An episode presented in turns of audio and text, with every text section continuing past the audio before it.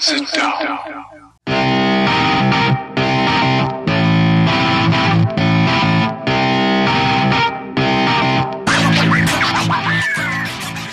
Witam wszystkich i każdego z osobna. Ja jestem Robert Kochan, a to jest Kochane NBA. Najbardziej nieobiektywny podcast o najlepszej koszykarskiej lidze świata. To już 110 odcinek, a razem ze mną jak zwykle jest tutaj Wiaro. Siema Wiaro, co tam u Ciebie słychać w nowym roku? Siema Robert, cześć wszystkim. No właśnie, no, w nowym roku minęło nam, minęły święta, minął Sylwester i zameldowaliśmy się w 2023. No to może korzystając z okazji, takie szybkie, najlepsze życzenia dla nas wszystkich na ten, na ten zbliżający się rok. Oby to nie było tylko tak, że ten rok tu wjeżdża z numerem 23 na koszulce i będzie się zachował jak Michael Jordan i będzie nas tu wszystkich łoił, jak, jak, jak leci. Mam nadzieję, że to jednak będzie taki rok, że razem z Michaelem będziemy po prostu wszyscy wygrywać. Mm, więc tego sobie i oczywiście Wam wszystkim życzę. E, no i oczywiście naszej kochanej NBA.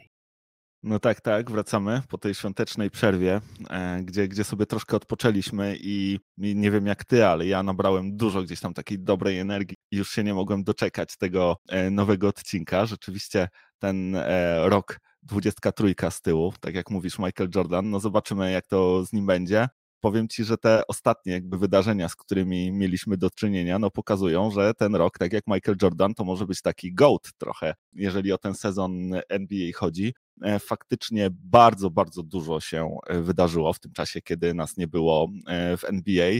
Powoli dobijamy już do połowy sezonu. Ta liczba meczów, no już, już właśnie prawie tą połówkę osiąga. Poznaliśmy też pierwsze wyniki głosowania All-Star raczej tutaj wielkich e, zaskoczeń nie ma, chociaż pewnie i takich gdzieś tam e, można się e, doszukać. W międzyczasie zmienione też zostały na przykład trofea i nagrody przyznawane w NBA. One dostały niektóre właśnie gdzieś tam nowe nazwy, nowe statuetki. To też bardzo taka fajna i ciekawa zmiana.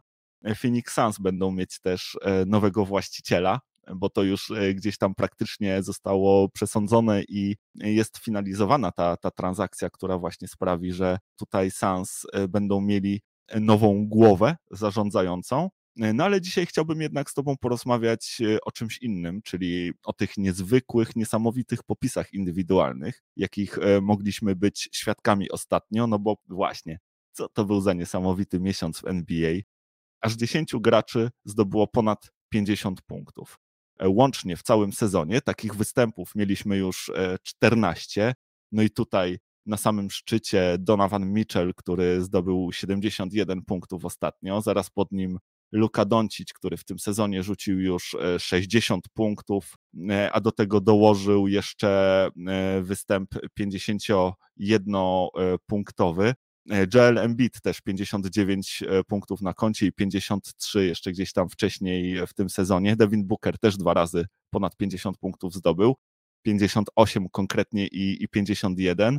Antony Davis też się tutaj dołożył z 56-punktowym meczem. Janis ostatnio 55 zdobył, Clay ostatnio 54 zdobył, wcześniej Siakam 52, E, Darius Garland 51 e, punktów i to zresztą tej samej nocy, kiedy Joel Embiid zdobył 59, więc jest to taki występ, który zupełnie przeszedł bez echa i wszyscy o nim zapomnieli i, i nikt jakby Garlandowi tego nie pamięta, bo, bo właśnie Embiid e, skradł mu wieczór. No i na końcu tej listy Steph Curry, który też w tym sezonie właśnie 50-punktowy występ zaliczył. No i powiem Ci, że właśnie jeszcze nie mamy połowy sezonu, a tu już 14 takich występów e, powyżej 50 punktów. No i jeśli takie tempo się utrzyma, no to możemy mieć najlepszy pod tym względem sezon od roku 1963, kiedy właśnie w sezonie 62-63 takich występów powyżej 50 punktów było 34, z czego 30 Wilta Chamberlaina i, i 4 Elgina Baylora. No ale gdzieś tam wracając właśnie do, do tego ostatniego miesiąca, to, to działo się tam naprawdę, naprawdę dużo, bo tak jak już wspomniałem, ten e, występ Luki 60-20-10, absolutnie historyczny. Donovan Mitchell 71 punktów, 11 asyst. Zresztą tej samej nocy, kiedy Donovan zdobywał te swoje 71 punktów, Joel Embiid zdobył 42, LeBron James 43, DeMar DeRozan 44 punkty, a Clay Thompson też 44, więc no to była niesamowita noc, a te występy pozostałych zawodników, mimo że również fantastyczne, to totalnie gdzieś tam zginęły przy tym historycznym występie Donavana Michela. Janis e, chyba pierwszy raz od 82 roku e, zrobił back-to-back -back powyżej 40 punktów i 20 asyst. Jokic zagrał jeden z najlepszych meczów w swoim sezonie, zdobywając 40 punktów, 27 zbiórek i 10 asyst do tego. Zresztą w tym ostatnim miesiącu 5 razy zdobył triple-double. E, jeżeli chodzi o te triple-double, to właśnie ten ostatni miesiąc też w nie obfitował, bo mieliśmy aż 23 takie e, zdobycze właśnie potrójno-podwójne. No i chciałbym Cię zapytać na początek, z czego to wynika Twoim zdaniem i co stoi za takim wysypem e, niesamowitych występów indywidualnych? Jak ty to widzisz, Wiara? Oj, no wiesz co, tu jest sporo różnych czynników moim zdaniem. Część z nich dobra dla ligi, część z nich może niekoniecznie, ale chyba głównym takim podstawowym powodem, z którego mamy taką, taką eksplozję faktycznie ofensywnego talentu w lidze, jest właśnie ten talent. No, ja nie wiem, czy kiedy ostatnio szukać tak ogromnego talentu w lidze. Mm, w sensie mamy naprawdę mnóstwo zawodników dzisiaj, którzy są no, no, gwiazdami z naprawdę bardzo wysokiego e, formatu, tak? Bardzo, bar, bardzo wysokiego szczebla gwiazdy to są. I ja nie pamiętam, żeby chyba od lat 80.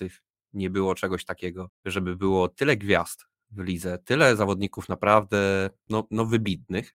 W każdej drużynie praktycznie ktoś taki się zdarza. I ja bym się głównie w tym tego wszystkiego upatrował. Oczywiście wiesz, no, jest y, dużo innych tutaj y, czynników. Oczywiście te trójki, które y, no, na pewno trójka odmieniła nam całe granie, to co zrobił Steph Curry z tą swoją rewolucją. Mm, wszyscy zobaczyli, jak, no, jak bardzo efektywne to jest rzucać dużo trójek na wysokich skutecznościach. Wszyscy zaczęli to robić i no, mm, no to też na pewno no nie możemy tutaj tego bagatelizować w żaden sposób. To jest na pewno czynnik, który też mm, przykłada się e, w tym temacie. No bo taki Steph Curry choćby, no to połowę swoich rzutów oddaje za trzy w ogóle na boisku w tym momencie, nie? więc jak nie więcej. Mm, więc no mm, to też jest jakaś drastyczna zmiana, jakby nie było tych punktów, zdobywa się więcej.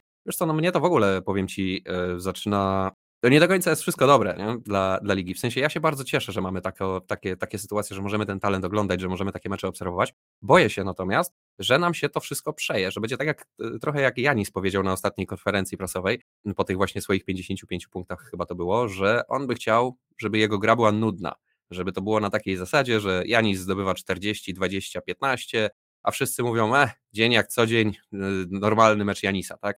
I do tego to trochę moim zdaniem prowadzi, że te 40-punktowe mecze w tym momencie to są, to są tak trochę jak 10 lat temu 30-punktowe mecze. Te 50-punktowe mecze w dzisiejszych czasach są tak trochę jak jeszcze 10 lat temu te 40-punktowe mecze. Nie?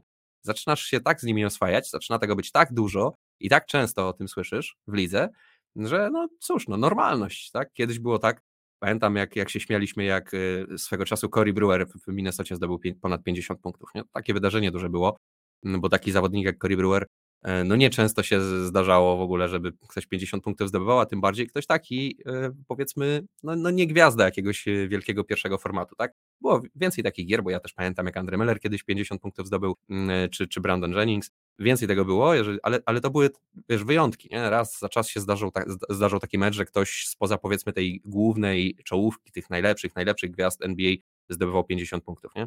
No dzisiaj, tak jak mówisz, dzisiaj może być tak, że Garland zdobywa 50 punktów, a, a w sumie to przechodzi to bez echa, nie? Bo, bo liga jest tak mocna, jest tyle fantastycznych, indywidualnych występów, które po prostu przykrywają takie mecze. I to nie do końca moim, ja się trochę boję, że nam się to po prostu przeje trochę wszystko, nie? Że, że, że tak jak trochę jak triple-double po tym, co Russell Westbrook zrobił, no przestało mieć już takie, takie magiczne znaczenie, już tych triple-double jest zdecydowanie więcej, zdecydowanie częściej się też widzi y, takie linie statystyczne, które gdzieś się o to triple-double docierają e, niż kiedyś. No słuchaj, no z jednej strony, tak jak mówię, tylko się cieszyć, bo, bo talentu w lidze oczywiście na potęgę. No, z drugiej strony, czy nam się to wszystko nie przeje. Ale kończąc już szybciutko na odpowiedź na Twoje pytanie, to myślę, że to są, to są jakby główne czynniki.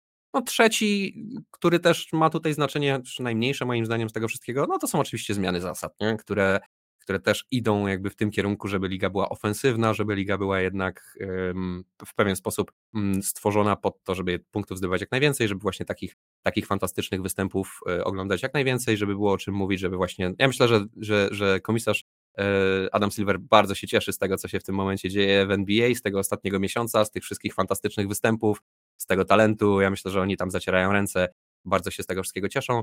Czy to jest takie dobre dla ligi, dla koszykówki, dla tego, gdzie idzie NBA? Pewnie tak, aczkolwiek wiesz, no troszkę żal, że, że ta obrona coraz bardziej gdzieś tam schodzi nam na, na, na, na już nie drugi plan, ale powoli na trzeci plan i, i coraz trudniej o to, żeby, żeby dobrą obronę grać, bo, no bo po prostu po drugiej stronie to tak wygląda, jak, jak opisałeś, no jak tu walczyć z tymi potworami. No słuchaj, myślę, że, że tutaj jakby trafiłeś w punkt e, z tym, co powiedziałeś i to, i to niemal w każdym aspekcie, bo no rzeczywiście dużo, dużo tutaj jakby trafnych e, analiz.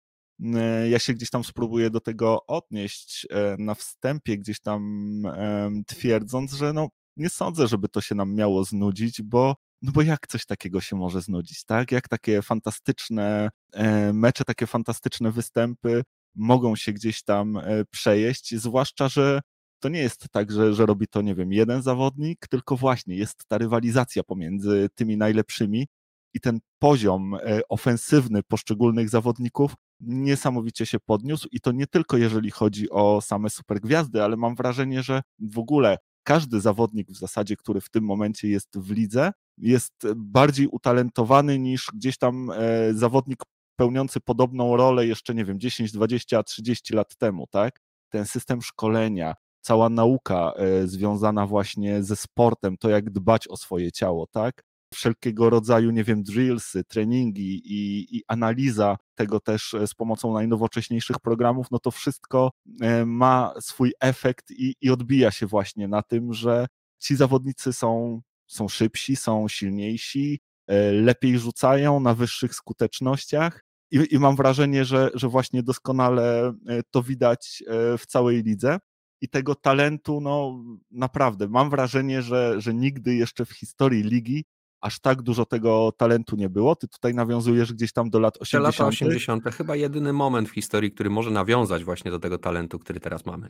Być może, być może tak jest. Wtedy też rzeczywiście e, ta liga w ten talent była, była bardzo obfita. Natomiast no, ja mam wrażenie, że aż tak e, dobrze to nawet e, wtedy nie było.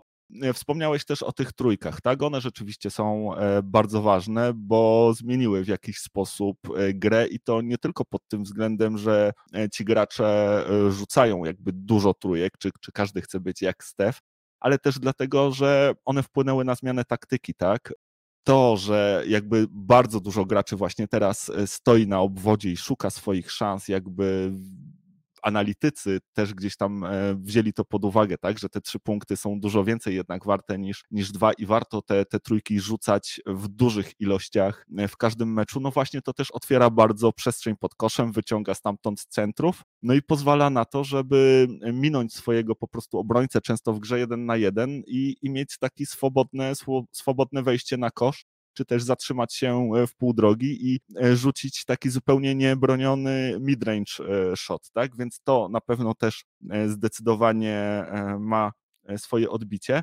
Jeżeli chodzi o obronę z kolei, no to moim zdaniem ta obrona wcale nie jest gorsza niż, niż powiedzmy w latach 80., 90. Czy, czy w 2000 roku. Po prostu bardzo ciężko jest nadążyć jej za tą świetną ofensywą, tak? Obrona jest troszkę w nieprzewadze, ona zawsze gdzieś tam musi gonić, musi się dostosować, a bardzo ciężko jest to teraz zrobić przy tych e, taktykach, które e, stosują zespoły, no bo tak naprawdę co możesz zrobić? Możesz albo spróbować wyłączyć e, zespoły na trójkach, no ale wtedy zupełnie jakby oddajesz często strefę podkoszową właśnie i ciężko jest bronić obręcz. Jeżeli masz z kolei takich wielkoludów pod koszem, którzy są w stanie zadbać o to, żeby ten twój kosz, tą twoją obręcz e, tam spróbować obronić i gdzieś tam być taką zaporą nie do przejścia, no to właśnie w tym momencie zostawiasz e, zarówno na rogach, jak i, jak i na łuku e, wolne trójki, które ci gracze, często roleplayerzy potrafią rzucać na naprawdę fantastycznych skutecznościach w tym momencie, no i ciężko jest jakby, nie jesteś w stanie wykluczyć wszystkiego, więc tutaj są bardzo trudne decyzje dla obrońców, co, co wyłączyć, co, co bardziej odpuścić, na co postawić, y, z czego zrezygnować. Naprawdę mają ciężki y, orzech do zgryzienia obrony. ja też widzę jakby tutaj taką coraz większą adaptację tych systemów obronnych, coraz więcej zespołów stara się grać taki fluid offense i, i gdzieś tam zmieniać te swoje systemy defensywne w różnych momentach gry, czasami grając właśnie strefą, czasami kryjąc indywidualnie, tutaj cały czas próbują gdzieś tam gonić za tą ofensywą, no ale ona przy tym talencie, jaki teraz jest, jest na tak niesamowitym poziomie, że naprawdę e, bardzo ciężko jest e, to zrobić. Ta zmiana zasad, e, o której wspomniałeś, też na pewno gdzieś tam miała na to wpływ, tak? Ona promuje jednak zawodników ofensywnych, no i właśnie też gdzieś to, gdzieś to się odbija. Natomiast, no właśnie, ciężko, ciężko jest zdecydowanie tym obronom za tymi ofensywami e, nadążyć, mimo że tak jak mówię, mam wrażenie, że ci obrońcy też teraz są fantastyczni, tylko po prostu gra im się dużo, dużo trudniej, a to też e, bardzo fajnie odbija się właśnie na tych supergwiazdach, no bo tak naprawdę bardzo ciężko jest teraz podjąć decyzję o tym, że kogoś podwajasz, zwłaszcza biorąc pod uwagę tych najlepszych zawodników w lidze, no bo niemal każdy z nich oprócz tego, że potrafi zdobywać punkty na zawołanie, dysponuje zwykle świetnymi umiejętnościami, jeżeli chodzi o podawania, tak? Więc jeżeli zdecydujesz się takiego zawodnika podwoić i stwierdzić, hej, hej, e, dzisiaj, nie wiem, ty, Luka, czy ty, Booker, e, czy ty, Jokic, czy ktokolwiek inny nas nie pokonacie, tak? Wyłączamy was dzisiaj, no to ci zawodnicy zaczną rozdawać e, piłki i ci świetni roleplayerzy, którzy naprawdę potrafią na przykład rzucać trójki na wysokich skutecznościach, wykończą cię po prostu, bo będą ich rzucać dużo, zdobywać tych punktów też dużo i często właśnie zespoły decydują się e, nie podwajać, jednak właśnie wyłączyć ten obwód, kryć te trójki i dawać tym właśnie pojedynczym zawodnikom szansę na to, żeby się wykazali i mówiąc, hej, chcesz nas wykończyć, spróbuj to zrobić sam, popracuj na swoje punkty, my spróbujemy utrudnić życie najbardziej jak umiemy, właśnie kryjąc jeden na jeden, no ale właśnie wiadomo jak to się kończy, Tutaj zawsze w tej sytuacji jeden na jeden zawodnik atakujący, zwłaszcza jeżeli jest niesamowicie uzdolniony, ma wielką przewagę nad swoim obrońcą. No i właśnie może to e, skutkować e, takimi e, wynikami, które możemy na co dzień obserwować w boxscore, bo, no bo to jest niesamowite. No wstajesz rano, otwierasz aplikację, patrzysz gdzieś tam, co się tej nocy wydarzyło, sprawdzasz boxscory i, i niemal wszędzie widzisz kogoś, kto, kto zagrał niesamowity mecz powyżej, nie wiem, 30 punktów, a nawet powyżej 40 punktów. No nie dość mówić dzisiaj rano, nawet właśnie jak sprawdzałem taki Lori Markanen, tak? Prawie 50 punktów zdobył, 49 skurczybyk e, dzisiaj e, w nocy e, zrobił, więc może się to zdarzyć niemalże w każdym meczu, no i naprawdę jest to niesamowite i ja nie mam takich obaw jak ty, że to się znudzi, no bo jak mówię, no wydaje mi się, że to jest super ciekawe i super interesujące i tak jak powiedziałeś, no Adam Silver na pewno zaciera, zaciera z radości ręce. No tak, no słuchaj, no tylko wiesz, e, jak coś się staje powszednie, mm, to się staje nudne. No ja nie mówię, że jest nudne pod kątem takim, że źle się to ogląda, mm, rutynowe, tak, że stanie się to czymś codziennym. Ja już powolutku mam tak, że właśnie jak otwieram te box scory mm, rano i nie widzę żadnego takiego meczu w okolicach 50 punktów, to mówię, że no co to się działo, jakaś taka cicha i spokojna noc w NBA, nie? E, nie wiem, czy, czy wszyscy byli jacyś po imprezie, czy co, że, że nikomu się nie chciało, czy, czy o co to chodzi, nie? Także wiesz, jeszcze tylko króciutko nawiążę do tych zasad, o których wspominałeś, mm, bo oczywiście masz rację i zawsze tak było zresztą, to, to też y, nie ukrywajmy tego, że w latach 80., kiedy te defensywy były teoretycznie takie, takie super lepsze i dużo lepsze niż, niż teraz się to ogląda na boisku, to jakby tutaj zawsze tak było, że ofensywny zawodnik miał przewagę nad defensywnym zawodnikiem, no? tylko że te przewagi były gdzieś tam niwelowane przede wszystkim przez fizyczność, którą można było stosować, że to tak ujmę. E, no po prostu najzwyczajniej w świecie można było łapy położyć swoje na zawodniku, którego kryjesz. A to ogromnie ułatwia pracę defensywy, zresztą wiesz o tym, bo, bo przecież graliśmy nieraz. Mm, jak można na kimś ręce położyć, to jest zdecydowanie inaczej niż jak trzeba kogoś nie dotykać i próbować go kryć. Nie? A teraz tak trochę ta liga wygląda. Także jeszcze większą, powiedzmy, przewagę ma, ma zawodnik ofensywny w dzisiejszych czasach niż miał, niż miał kiedyś nad tym zawodnikiem defensywnym. A tu się oczywiście ja w 100% z Tobą zgadzam, że tak talentu defensywnego w lidze nie brakuje. Gdyby, to, gdyby tym zawodnikom można było, jakby Janisowi pozwolili grać tak, jak grali w latach 80., no to klękajcie narody przecież, nie? No to co on by wyprawiał w defensywie, jak on by tam wszystkich, wiesz, rozrzucał po, po parkiecie, nie? E, no tylko, że w dzisiejszych czasach to by, to by go wyfaulowali pewnie w 5 minut, nie? Przy czymś takim. E, więc o to mi tutaj głównie chodzi z, tą, z, tą, z, tymi zmian, z tą zmianą zasad, że już tam pal licho z jakby konkretnymi zasadami, że wiesz, tutaj się zmieniła, nie wiem, że nie jak się kryje trójki, czy, czy faul na fast breaku, jak sędziowie gwizdają, to oczywiście są drobne zmiany, ale one wszystkie od lat prowadzą do jednego i tego samego, żeby ta gra była ładniejsza, żeby była bardziej płynna, żeby było mniej przerw w niej, e, no i żeby była, była mniej fizyczna, żeby to bardziej się opierało na umiejętnościach e, koszykarskich niż na warunkach fizycznych koszykarzy, tak? E, no i w tą stronę to idzie i to, to właśnie w dzisiejszych czasach obserwujemy. Słuchaj, ja się wiesz, no dla mnie to jest, wiesz jakim ja jestem nerdem koszykarskim NBA, tak? Ja to chłonę wszystko, ja każdy z tych meczy no to dla mnie to jest, to jest rodzynka, tak? dla mnie to jest wisienka, dla mnie to są, to są super fajne rzeczy. Ale jak będziemy to codziennie mieli, jak tak jeszcze to potrwa rok, dwa lata yy, i, i wiesz, te występy pokroju 50, 12, 7 staną się czymś naprawdę codziennym, no to będziemy szukać czegoś wyjątkowego, będziemy cały czas szukać tych, tych którzy się wyróżniają gdzieś ponad ten cały tłum, no i będziemy już czekać na te mecze powyżej 60 punktów i 70 punktów. No i słuchaj, nie, nie chcę tego głośno mówić, ale coraz bardziej mi się wydaje, że ktoś ten rekord Kobiego w końcu, w końcu po prostu doścignie i, i, i go łyknie. No. To, już, to już który raz, kiedy było blisko. No niewykluczone, e, że tak będzie. O tych e, indywidualnych występach sobie jeszcze za chwilkę porozmawiamy i o tym właśnie być może kto, kto taki rekord Kobiego będzie miał największe szanse pobić. Ja jeszcze tutaj, nawiązując do tej ogólnej rozmowy, e, chciałbym się z Tobą podzielić takim e, spostrzeżeniem, że e, właśnie zarówno ta, ta medycyna sportowa, jak i ten niesamowity poziom jakby trenowania w tym momencie, one znajdują właśnie idealne odbicie w tym, co, co możemy teraz zobaczyć.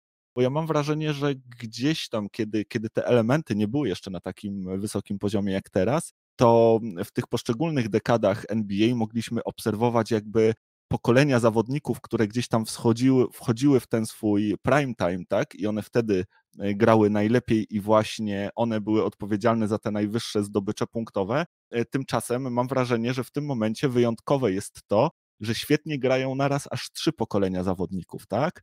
Ci starsi oni jeszcze jakby nie dają za wygraną, e, potrafią dzięki tej świetnej medycynie sportowej, dzięki odpowiedniemu zadbaniu o swoje ciało utrzymać się na tym najwyższym poziomie i ciągle jakby zdobywać te punkty na zawołanie i pokazywać e, fantastyczne występy. Do tego wchodzi to kolejne pokolenie, które właśnie gdzieś tam mniej więcej jest teraz w swoim prime time, które, które wymiata, e, no bo tak to zawsze gdzieś tam w NBA było ale ci młodzi zawodnicy, którzy wchodzą do ligi, oni też są już coraz częściej e, gotowi do tego, żeby, żeby no, pokazywać się z najlepszej strony niemalże od samego początku i notować też nawet czasami takie historyczne statystyki, więc oni zawsze gdzieś tam w historii na początku e, swojej kariery zbierali frycowe. Nie, nie udawało się to, z wyjątkiem oczywiście tych największych supergwiazd, żeby ci zawodnicy błyszczeli aż tak i, i, i, wybijali się e, na tle innych. Tymczasem teraz mam wrażenie, że z czymś takim mamy do czynienia. No i właśnie zamiast tego jednego pokolenia, które ciągnie ligę i, i pokazuje te najlepsze występy, mamy teraz aż trzy pokolenia, które robią to e, jednocześnie w tym samym czasie i z tego też właśnie może wynikać taki wysyp fantastycznych występów. No, ciekawe spostrzeżenie. Mm, nie do końca się zgodzę z jednym aspektem tego, co powiedziałeś. Tak ogólnie jak najbardziej i faktycznie to też to też może mieć e, gdzieś wpływ na to, jak dużo teraz mamy jak naprawdę dobrych zawodników z różnych przekrojów e, pokoleniowych. Natomiast jeżeli chodzi o tych młodych zawodników, to mi się wydaje, że tutaj nie ma jakiejś wielkiej różnicy. No jakby nie było, no taki Paulo Banquero na przykład mocno zaskakuje, nie? biorąc pod uwagę, że jest właśnie pierwszoroczniakiem, który tak regularnie zdobywa punkty w taki sposób i zobacz, jak się go porównuje. A tak to, to jednak ciężko takich chłopaków, którzy przychodzą i szturmem zdobywają ligę od powiedzmy pierwszego swojego sezonu, czy, to, czy tam drugiego, to jednak mm, często jest tak, że to jest trzeci, czwarty sezon, gdzie ci, gdzie ci zawodnicy wyrastają, a jakby nie było, przypomnę ci, że Przecież się mówiło historycznie, że czwarty sezon to jest taki przełomowy sezon w, kar w karierze zawodnika NBA. Bardzo często się właśnie zawodnicy wtedy przełamują. A nie wiem, no jak sobie przypomnisz młodego Tracy'ego McGrady'ego czy, czy, czy Penny'ego Hardawaya, to ja tam nie pamiętam, żeby Penny Hardaway to, to młodo w ogóle skończył karierę swoją i zaczął, skończył i, i, i przeżył, przecież jako bardzo młody chłopak, a wielu takich było, nie? To tylko mi się tak nasuwa w tym momencie po prostu pierwsze skojarzenia. Więc y, akurat z tym, że zgodzę się na pewno co do tego, że jakbyś popatrzył na e, całość zawodników, którzy przychodzą do ligi, to zdecydowanie więcej jest tam zawodników, którzy już w tym momencie faktycznie nadają się do tego, żeby, żeby grać, żeby, żeby coś swojej drużynie dawać. To już nie jest tak, że jak wybierzesz zawodnika poza loterią mm, z tam, nie wiem, 20 którymś pikiem na przykład, to musisz czekać przynajmniej 3-4 lata, zanim on zacznie grać. Tutaj nieraz jest tak, jak mówisz właśnie, że oni od samego początku gdzieś tam prezentują całkiem niezły poziom, ale tak, żeby wskoczyli faktycznie na, na taką regularność i, i żeby można było powiedzieć, no niewielu chyba młodych zawodników wciąż przychodzi do ligi i zdobywa po, w okolicach 25 punktów na mecz na przykład, nie? a 20 punktów na mecz to przecież tak historycznie rzecz ujmując to jest bardzo dużo, ja wiem, że liga nas dzisiaj rozpieszcza, ale wciąż, nie? Także nie wiem, czy bym się tutaj do końca zgodził z tym, że młodzi zawodnicy tak, tak faktycznie szturmem już wchodzą do tej ligi, bo nawet to pokolenie naszych najmłodszych gwiazd to są zawodnicy, którzy już kilka lat w tej lidze są, nie? E, no, mówiąc o młodych zawodnikach, tutaj niekoniecznie miałem na myśli już takich samych rukich, choć, e, bo to oczywiście dużo też zależy od klasy, czy danego rocznika, e, od tego, do jakiej drużyny kto trafi. Bardziej chodziło mi o tych zawodników, którzy w tym momencie mają 22-23 lata, no bo rzeczywiście kiedyś też byli tacy zawodnicy, no, Kobe którzy... Jordan też w tym wieku już przecież.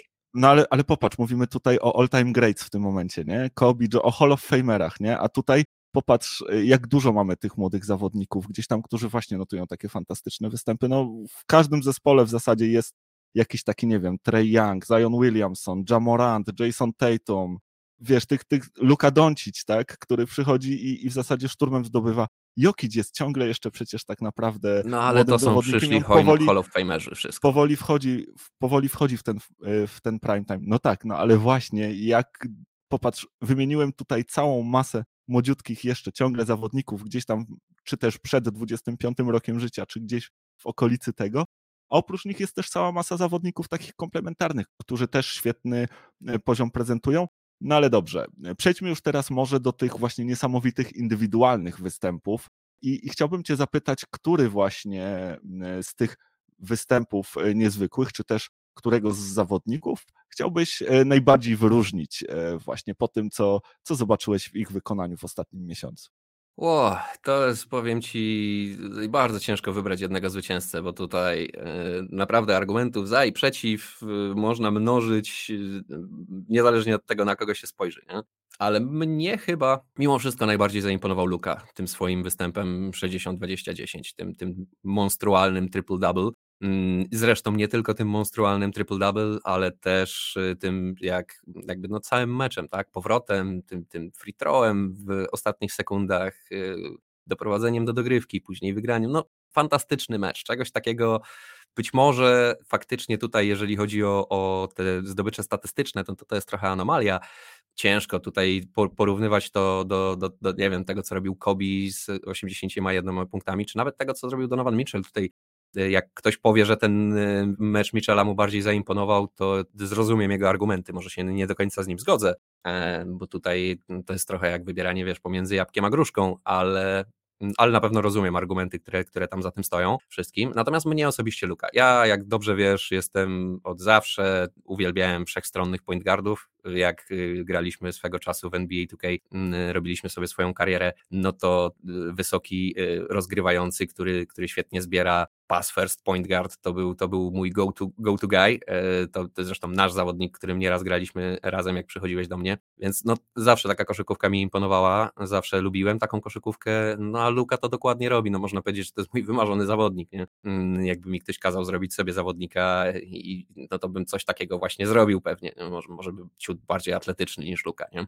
E, ale to już tylko, tylko, że tak powiem, dla stylu. Więc y, no mega mi to imponuje. No, tym bardziej, że jest jednym, jednym, jedynym kolesiem w historii w ogóle całej ligi, który zrobił coś takiego. Nie?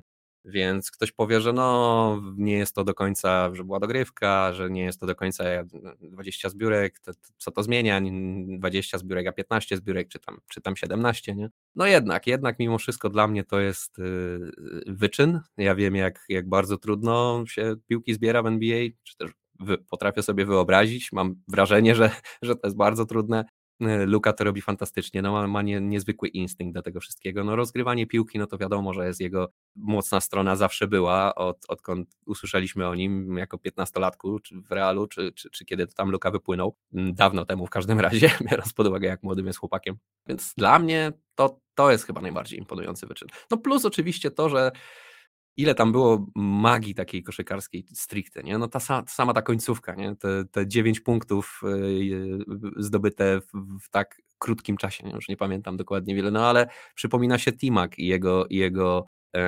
historyczny 13-sekundowy powrót do, do, do meczu. Fantastyczne rzeczy, słuchaj, takich rzeczy naprawdę się często nie ogląda. Ja wiem, że 71 punktów e, Michela to też nie jest coś, co oglądamy często, ale mimo wszystko, no ja już, ja już widziałem nie tak dawno temu, jak Devin Booker się też do tego, do tego zbliżył bardzo mocno, 70 przecież rzucił, więc y, to są jakby nie było tylko punkty, nie? Łatwiej jest być chyba zawodnikiem jednowymiarowym niż wielowymiarowym, tak mi się przynajmniej wydaje. Mnie to na pewno bardziej imponuje. E, no więc cóż, no, nie klepiąc już dalej tego konia, no, no w mojej opinii jest to Luka Doncic i, i jego monstrualne, historyczne triple-double. No słuchaj, bardzo, bardzo dobry pik, bo rzeczywiście to był zarówno historyczny występ pod względem indywidualnym, ale też, e, no właśnie, historyczny mecz, no bo z jednej strony to 60, 21, 10, które zrobił Luka, zresztą na fantastycznych skutecznościach, bo rzucając 52% z pola i 44% za 3, no takiej statystyki nie zrobił nawet Wilt Chamberlain, tak? Nawet Wilt Chamberlain nie zdobył 60 punktów, 20 zbiórek i 10 asyst w jednym meczu, a jeżeli robisz coś, czego nie zrobił nawet Wilt Chamberlain, no to to zdecydowanie o czymś e, świadczy. E, więc tutaj no, historyczny występ e, Luki Doncicia. Co ciekawe, przeciwko Nixom. E, nie wiem z czego to wynika, ale Nixi mają gdzieś tam. Nixi mają ogromny talent do tego, żeby móc się cieszyć. Ich ukryta moc. Tak, to jest taka ukryta moc. Zresztą mogę się mylić, ale coś mi tak świta w głowie, że Wilt Chamberlain te swoje 100 punktów też przeciwko Knicksom rzucił. A, a Mitchell to komu rzucił 71? Bullsom. Bullsom. No, Bullsom, tak, tak, tak. Tam męczyli Wucewicia też e, niesamowicie. No, swoją drogą oba te mecze bardzo ciekawe i, i niesamowicie podobne. Ty mówisz, że jabłko gruszka, dla mnie to trochę e, dwa jabłka są, bo, no bo nawet sytuacje w tych meczach były niesamowicie podobne, ale może gdzieś tam e, do tego jeszcze e, zaraz wrócę, bo wspomniałem już, że to był właśnie niesamowity występ indywidualny, no ale był to też e, historyczny mecz e, tak po prostu, bo, bo ta przewaga właśnie e, jeszcze na kilkanaście sekund przed końcem drużyny Knicks, która naprawdę no, zagrała niezły mecz, oni tam dziewięcioma punktami wygrywali w samej końcówce i wszyscy już położyli kreskę na Mavs, którzy potrafili no, wrócić do tego meczu i coś takiego, co, co zrobili, czyli właśnie zniwelowanie tej dziewięciopunktowej przewagi w tak krótkim czasie, to jest coś, co no, chyba też jeszcze nie zdarzyło się e, w NBA, przynajmniej od czasu, kiedy, kiedy są te raporty z ostatnich dwóch minut e, prowadzone. Jeśli się nie mylę, wcześniej było 13 tysięcy e, razy taka możliwość, żeby coś takiego się wydarzyło i nie stało się to ani raz. Żadnej drużynie nie udało tak, się powrócić z takiej bardzo. sytuacji. No a właśnie Mavs jako pierwsi tego dokonali i w jakim to w ogóle było niezwykłym stylu, tak? Te rzuty wolne Doncicia, gdzie, gdzie brakowało właśnie przy tym ostatnim rzucie wolnym jeszcze dwóch punktów do tego, żeby ten mecz wyrównać i Luka celowo próbował nie trafić e, swojego rzutu osobistego. Tam Javel McGee został w ogóle wprowadzony tylko i wyłącznie na tę ostatnią akcję, żeby właśnie powalczyć o zbiórkę ofensywną. Ogromne zamieszanie. Chyba dwóch albo trzech graczy Knicks dotknęło jeszcze piłki, zanim ta trafiła do Luki Doncicia, który już znajdując się w locie, zanim złapał ją e, do rąk, chwycił, oddał rzut e, równo z końcową syreną, no i właśnie trafił na, na remis. Zaczął e, cieszyć się, skakać, machać rękami, w ogóle no niesamowita radość z jego strony. Ta celebracja to też było coś fantastycznego. Zresztą on sam później przyznał, że był na jakiejś takiej nieświadomce i, i wydawało mu się, że tym rzutem udało mu się wygrać mecz, więc, więc z tego też e, aż tak duża e, radość była. Zresztą w ogóle całe te, te wywiady pomeczowe po tym meczu z Luką, to też było coś, coś super fajnego i, i super śmiesznego. On nie był w ogóle świadomy tego, że udało mu się zdobyć 60 punktów w tym meczu. Był zdziwiony, kiedy właśnie reporter mu o tym powiedział. Natomiast właśnie też wspomniał, że jest ogromnie, ogromnie zmęczony tym występem. Swoją drogą E, jeśli się nie mylę, to od e, przerwy w tym meczu aż do końca e, dogrywki Luka Doncic opuścił bodajże chyba tylko 23 sekundy czasu na parkiecie. Poza tym cały czas się na nim znajdował, więc jak najbardziej miał prawo być zmęczony. No i właśnie podkreślił to, to po tym meczu, jak to zmęczenie gdzieś tam się nad nim odbiło. No i powiedział też, ten słynny cytat, że, że będzie potrzebował teraz e, ratunkowego piwa, tak? Nie wiem, jak to dobrze przetłumaczyć. Czy poratować się piwem, tak? Takie recovery beer, które z miejsca stało się jednym w ogóle z najbardziej popularnych hashtagów na, na Twitterze I, e, i wydaje mi się, że przejdzie też jako cytat do, do historii i każdy z nas czuje czasami, y, że po takim ciężkim, pracowitym dniu właśnie zasługuje na to recovery beer, na to, na to piwko, które gdzieś tam go, go poratuje i, i pozwoli mu y, odpocząć i, i, i gdzieś tam się w końcu wyluzować z tym poczuciem, że, że zrobiło się świetną robotę. Natomiast właśnie, no to była fantastyczna, fantastyczna robota ze strony Luki. Niesamowity ten jego występ. Zresztą cały ten jego sezon jest y, niesamowity i on tych Dallas ciągnie na swoich barkach jak tylko może w górę tabeli. W tym momencie robi średnio 34 punkty, 9 zbiórek, 9 asyst na naprawdę niezłych skutecznościach rzutowych. Tych meczów powyżej 50 punktów miał już 3, takich, w których zdobył między 40 a 49 punktów miał już 5, a takich, gdzie zdobywał od 30 do 39 punktów ma aż 19, jeśli się nie mylę, to jest w ogóle najwięcej e, w całej lidze on mocno gdzieś tam staje się jednym z tych głównych kandydatów do tego, żeby zdobyć tytuł MVP w tym sezonie, chociaż konkurencja nie śpi, też jest na najwyższym poziomie i to na pewno nie będzie łatwe. Myślę, że wszystko się tutaj będzie rozbijać o to, na którym miejscu w tabeli będą Dallas, czy też jaka będzie ta różnica, jeżeli chodzi o, o wygrane do tych najlepszych zespołów w konferencji zachodniej.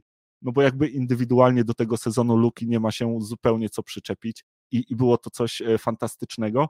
No ja wspomniałem o tym, że, że ten mecz y, był bardzo podobny do tego, co, co zrobił Donovan Mitchell, bo, bo tam sytuacja też właśnie wyglądała no niemalże identycznie, tak? Tam też y, w końcówce właśnie ten rzut wolny, który, którego potrzebowali, żeby Donovan Mitchell chybił, i Donovan Mitchell zrobił to właśnie podobnie jak Luka, nawet troszkę lepiej, bo nie potrzebował aż tak dużo szczęścia, a a w ten sposób jakby y, oddał rzut, że udało mu się jeszcze e, zebrać i, i tę piłkę dobić i, i właśnie doprowadzić do, do dogrywki. No i ten jego występ 71, 8, 11, no historyczny e, bez dwóch zdań, tak? To jest najwyższa zdobycz punktowa od bodajże 18 lat, czyli właśnie od, e, od, od tego występu Kobiego. Zresztą on jakoś w podobnym, wydaje mi się, czasie roku był, był zrobiony, więc no, niesamowity, niesamowity występ, zwłaszcza też, że Donovan Mitchell występował w nim e, zarówno bez Garlanda, jak i bez Mowbleya, więc tutaj też, e, że tak powiem, cały ciężar e, spadł na jego barki. No i tak naprawdę jest dopiero siódmym graczem w historii z takim wynikiem 70 plus. Tylko właśnie siedmiu graczom w całej historii NBA udało się ten próg 70 punktów przekroczyć, a wszystkich takich występów właśnie powyżej 70-punktowych E, było 12, z czego większość, e, może nie większość, ale, ale lwia część to są występy Wilta Chamberlaina. Natomiast e, to, co też świadczy o tym, że, że był to też taki wyjątkowy występ, bo to, to są nie tylko te, te punkty, nie tylko te 71 kawałków, które Donovan Mitchell rzucił, ale też te 8 zbiórek i 11 asyst, a zwłaszcza te 11 asyst, bo jakby policzyć, jak te asysty też e, przekładały się na punkty zespołu Cavaliers, no to Donovan Mitchell uzbierał jakby łącznie, sumując punkty i asysty, 99 punktów. I to jest drugi najwyższy wynik w historii, ustępujący tylko i wyłącznie temu słynnemu wielkiemu występowi Wilta, gdzie, gdzie ten zdobył 100 punktów. Przy okazji e, miał wtedy dwie asysty, więc, więc łącznie udało się tego uzbierać 104. Natomiast właśnie Donovan Mitchell z tym swoim występem już znajduje się jakby na drugim e, miejscu tej listy. Coś niesamowitego, tak? Równie wielki historyczny występ e, jak ten e, Luki. Zresztą też fajnym, śmiesznym wydarzeniem się skończył, bo Donovan Mitchell zatweetował bodajże jakoś na, na następny dzień czy, czy dwa dni po, że został, że tak powiem, przetestowany przez NBA na, na obecność niedozwolonych substancji w organizmie, tak zwany drug test e, został przeprowadzony, więc e, no NBA e, też gdzieś tam chyba się zdziwiła, jak, jak bardzo był to niesamowity występ i postanowiła Donowana Michela sprawdzić, więc ja myślę, że tutaj wybierając najlepszy występ, no niezależnie na który z tych dwóch wskażesz, to, to nie można się mylić, tak? Jeden będzie wolał właśnie 71 punktów, drugi będzie wolał to 60-20-10 i takie triple-double, jakiego jeszcze NBA nie widziała. Coś po prostu e, niesamowitego. Natomiast e, ja tak jeszcze gdzieś tam chciałbym wyróżnić e, pozostałych zawodników, o których moim zdaniem też warto wspomnieć, bo fantastyczny występ miał też LeBron James, tak? No, co prawda to tylko 47 punktów, 10 zbiórek i 9 asyst w wygranej przeciwko Hawks, ale zrobił to właśnie w swoje 38 urodziny, tak? LeBron James, no wydaje się, że no, myślę, że ojciec czas już chyba powoli zaczyna odpuszczać e, w tej grze i myśli, że, że on już tutaj jakby wiele zrobić nie może i wszystko w rękach LeBrona, kiedy po prostu jemu się znudzi i, i zakończy karierę, bo takich wyników punktowych w takim wieku, no to, to żeby szukać, to trzeba się odnieść chyba do Michaela Jordana, bo to jest jedyny gość, któremu coś takiego udawało się zrobić. No i rzeczywiście LeBron James gdzieś tam jeszcze bardziej, jeszcze bardziej sytuuje się na tej po prostu półce top of the top, gdzie właśnie siedzi sobie na niej razem z Michaelem Jordanem i, i tutaj trwają głosy, który z nich jest tym najlepszym e, zawodnikiem w historii. Natomiast to, co też w ostatnim czasie robi Janis. No to też jest po prostu niesamowite. Te ostatnie mecze w jego wykonaniu to jest po prostu wow, tak? W czterech ostatnich meczach Janis robi średnio 39 punktów, 15 zbiórek i 7 asyst.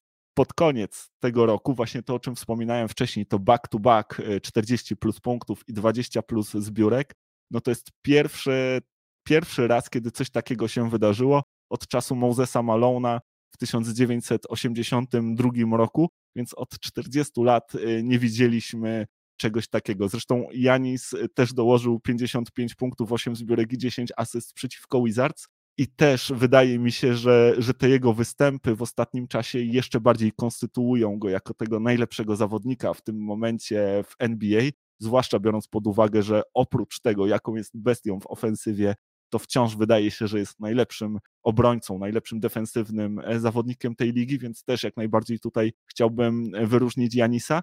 I mimo właśnie, że średnio robi w tym sezonie 33 punkty, 12 zbiórek i 5 asyst, to nawet nie jest na szczycie tej listy walczących o, o tytuł MVP, bodajże w tym momencie na trzecim miejscu, co tylko pokazuje, jaki to jest niezwykły sezon i jak pełen jest tych e, wspaniałych ofensywnych talentów. No i gdzieś tam jeszcze na koniec e, chciałbym bardzo docenić Kleja Thompsona, bo Klej wydaje się, że w końcu zaczyna nawiązywać do tych swoich e, najlepszych lat.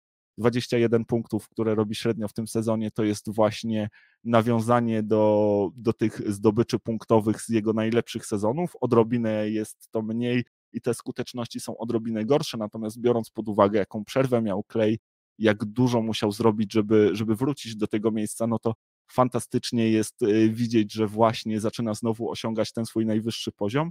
No i też właśnie udało mu się zdobyć ponad 50 punktów, konkretnie 54 i też przeciwko Hawks, więc Hawks chyba tutaj dołączają y, do Knicks jako, jako te zespoły, które pozwalają ci właśnie y, pobijać te twoje rekordy i, i, i zdobywać wysokie zdobycze punktowe. Natomiast właśnie Kleja też ze względu na, na tę drogę, którą przeszedł i, i na to, co pokazał w ostatnim czasie, zdecydowanie chciałbym wyróżnić. No ładnie tutaj podsumowałeś chłopaków. No słuchaj, no historyczny mamy sezon, no nie ma się tutaj w ogóle z czym kłócić, fantastycznie się to ogląda, świetnie się to śledzi, no wiadomo nie jesteśmy w stanie łyknąć wszystkich meczy, które są w NBA, mm, niestety dzień jest za krótki, że, żeby tylko i wyłącznie oglądać mecze, a chciałoby się, biorąc pod uwagę jaki mamy sezon, jak grają wszystkie drużyny tak naprawdę, Wiesz, że jest jeszcze takich y, fajnych historii w tych drużynach, o których w ogóle nie mieliśmy okazji wspomnieć, nie? Jak grają naprawdę nieźle niektórzy zawodnicy, jakoś by wspomniany przez ciebie Lauri Markanen, którzy po prostu giną w tym tłumie talentu i, i, i tym natłoku fantastycznych y, występów indywidualnych. No to, co robi Luka w tym sezonie, tak jak wspomniałeś, i Okić gra fantastyczny sezon, tak? Y, znowu jest w czołówce, mm, jeżeli chodzi o głosowanie MVP jeden z najlepszych swoich sezonów zdobywa. Luka robi średnio 10 punktów więcej od, od Jokicia. Średnio. To, to, to, się w głowie nie mieści, jaki, jaki ten chłopak gra sezon w tym roku.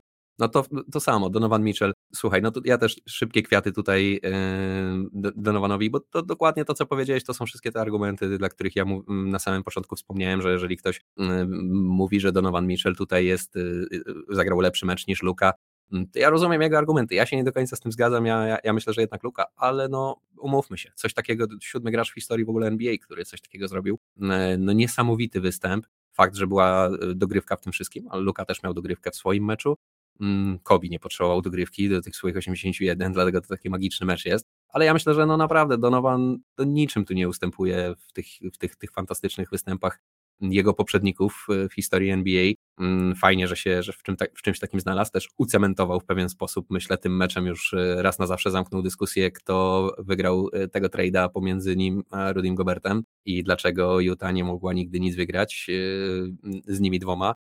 No i szybciutko, jeżeli chodzi o tych pozostałych zawodników, których tutaj wspomniałeś, strasznie fajne historie. Bardzo fajnie, że mamy takiego LeBrona Jamesa, który w wieku 38 lat potrafi robić takie cuda wciąż jest jednym, myślę, z 10, może 15 najlepszych zawodników w lidze, bo już w tym momencie naprawdę tak tam ciasno, mm, że ciężko wyrokować, czy to jest y, dziesiątka, czy dwudziestka, ale tam różnice są naprawdę niewielkie już pomiędzy tymi zawodnikami, biorąc pod uwagę, jak oni grają.